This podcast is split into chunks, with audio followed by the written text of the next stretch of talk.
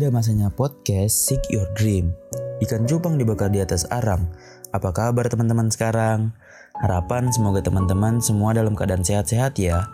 Terima kasih sudah hadir di podcast perdana Ada Masanya Podcast Bareng aku Hafiz yang akan menemani kamu selama 15 menit ke depan Dengan topik pembahasan yang seru-seru banget pastinya nih Jadi beruntunglah kalian semua nih teman-teman Karena selama 15 menit ke depan Waktu kalian tuh tidak terbuang secara cuma-cuma Aku sih yakin kalau kalian lagi nggak denger ada masanya podcast, pasti kalian paling cuma scroll-scroll Instagram.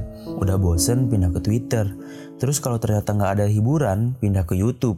Gitu aja terus kebiasaannya. Aku mah paham karena aku juga begitu. Sebelum kita masuk pada pembahasan, sebagai rakyat Indonesia yang patuh pada protokol COVID-19, aku mengingatkan kepada kalian semua nih teman-teman untuk selalu ingat pesan ibu. Bukan pesan dia ya, pesan ibu. Ingat, pesan ibu untuk selalu memakai masker ke mana pun kalian pergi. Selalu mencuci tangan di mana pun kalian berada, serta menjaga jarak dengan orang lain. Ayo ikutin pesan ibu, karena ini semua untuk kebahagiaan teman-teman dan juga kita semua. Karena kesehatan merupakan hal yang paling utama. Coba teman-teman bayangin, teman-teman masuk dalam jajaran orang yang terkaya tapi ternyata sakit. Jadi kayak ada yang kurang kan pastinya. Nah, untuk itu, kesehatan merupakan hal yang paling utama. Selain ingat pesan ibu, ingat juga pesan dia untuk selalu menjaga diri. Mengingat sekarang sudah memasuki musim hujan, hati-hati nih di jalannya. Pelan-pelan aja bawa kendaraannya, dia nggak akan ke mana-mana kok, percaya deh. Nah, di podcast kali ini, aku akan bahas mengenai pengalaman dari diri aku sendiri nih teman-teman. Karena aku memegang prinsip diri sendiri dulu baru orang lain. Makanya aku putuskan untuk membahas mengenai diri sendiri dulu nih, karena jika dipikir lebih dalam, aku cukup punya cerita yang lumayan menarik, khususnya pada masalah perjuangan. Aduh, kalau bicara perjuangan ini memang selalu berhasil membuat bulu kuduk merinding. Seperti yang sudah aku bilang sebelumnya, jika sesi perdana ada masanya podcast ini, akan membahas mengenai kisah tentang diri aku sendiri yang sadar bahwa untuk mendapatkan sesuatu dibutuhkan perjuangan yang luar biasa susahnya. Seperti nama podcast ini ada masanya, yang aku maksudkan bahwa kita semua memiliki waktu yang berbeda-beda untuk mencapai suatu tujuan. Aku, kamu, dan kita semua tidak akan sama waktunya. Ada yang sudah menelan pil pahitnya perjuangan di umur yang sangat belia, 15 tahun mungkin, ada juga yang sudah menikmati pil hasil dari sebuah perjuangan di umur 20 tahun. Ada juga yang masih bingung mau ngapain di umur 30 tahun.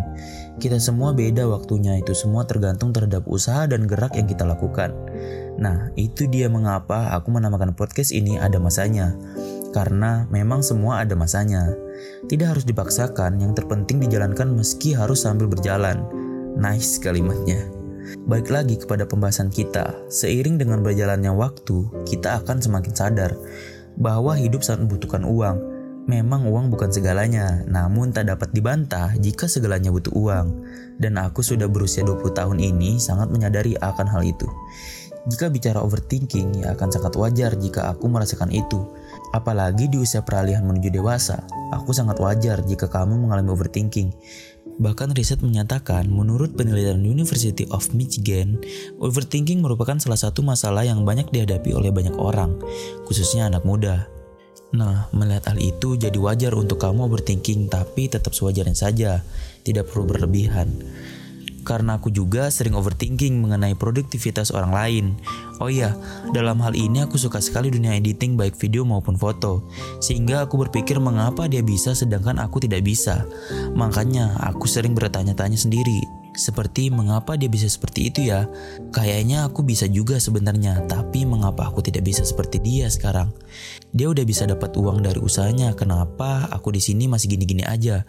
Pemikiran itu yang terus menghantui aku, bahkan pemikiran itu akan lebih liar lagi ketika aku mau tidur. Waduh, akan melebar ke mana-mana overthinking ini. Melihat hal itu, aku sudah merasa bahwa ini tidak sehat dan aku harus mulai gerak seperti dia. Jujur saja, ada satu orang yang membuatku termotivasi mengikuti jejaknya.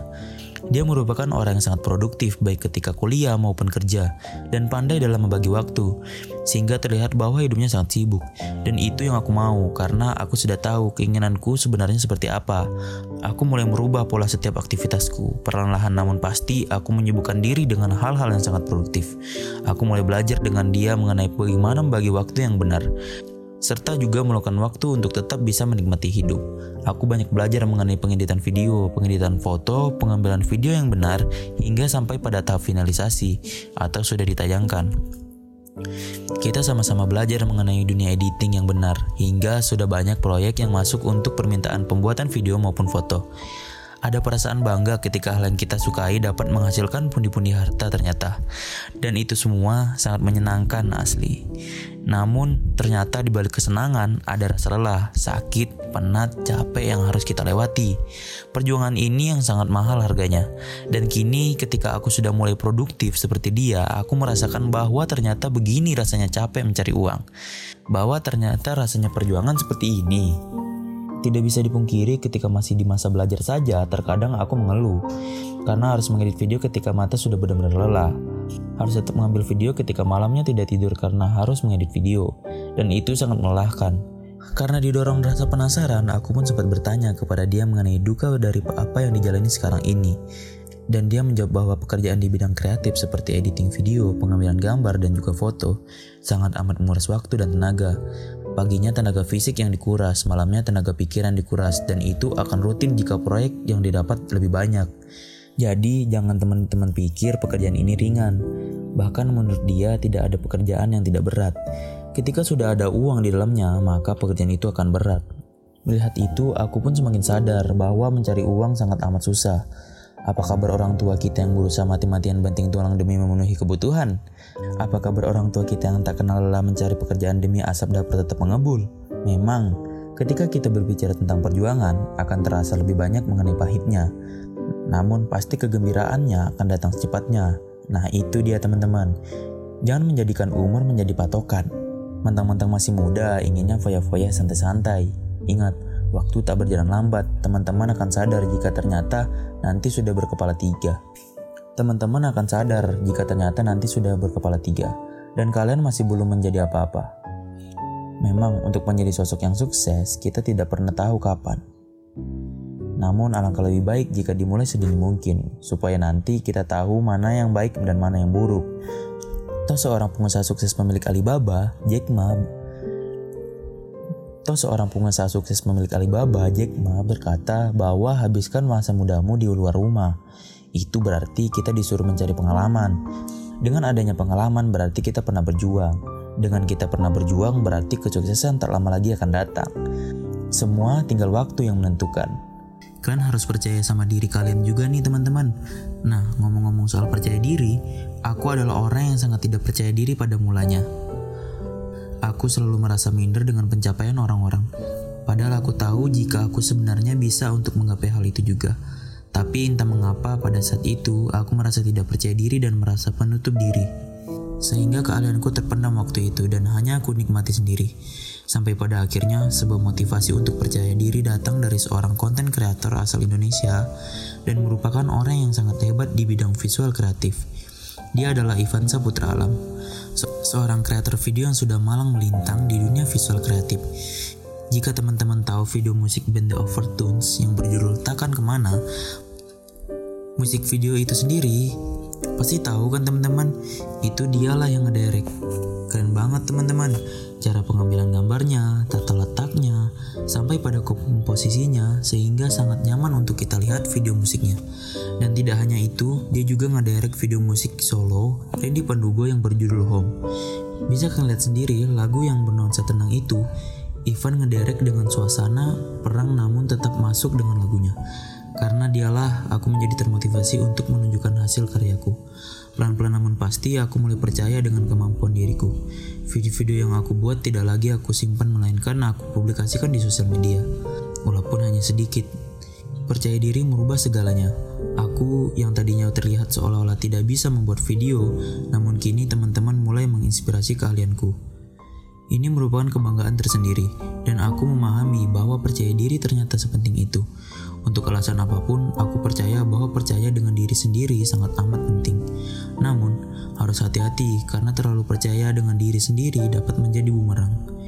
Karena aku sering dapat banyak pujian dari teman-temanku, sehingga rasa besar kepala itu datang.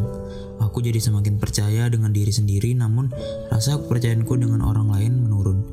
Jadi aku memaksakan diri untuk segala pekerjaan Aku ingin semuanya mengerjakan.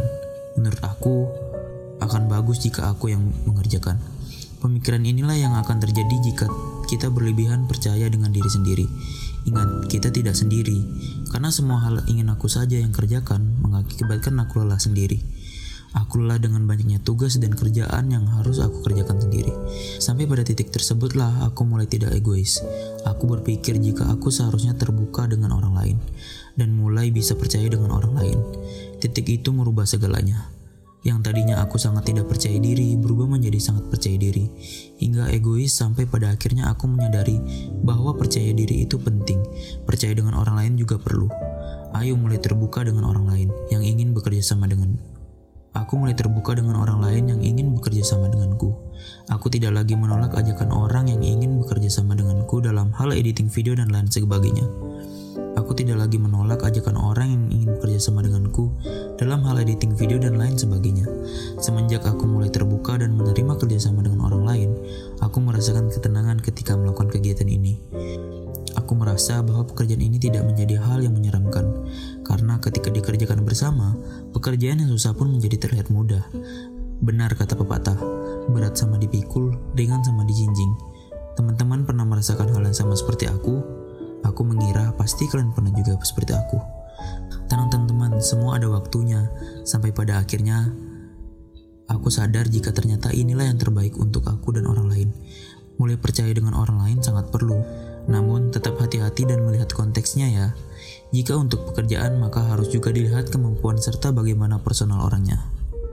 Nah, itu dia teman-teman topik pembahasan podcast perdana kali ini. Bagaimana? Supaya menyentuh hati teman-teman untuk juga ikut berjuang sedini mungkin. Harapan aku semoga podcast dengan topik seperti ini dapat mengingatkan semangat teman-teman yang mungkin lagi turun untuk balik lagi semangat menjalani kehidupan. Nah mungkin itu saja untuk podcast perdana kali ini. Jangan sedih karena aku akan balik lagi di jam dan waktu yang sama setiap Jumat jam 8 pagi. Kalian bisa mendengarkan podcast ada masanya yang terbaru. Jangan bosan dengerin podcast aku, tetap sehat, tetap semangat, dan sampai jumpa.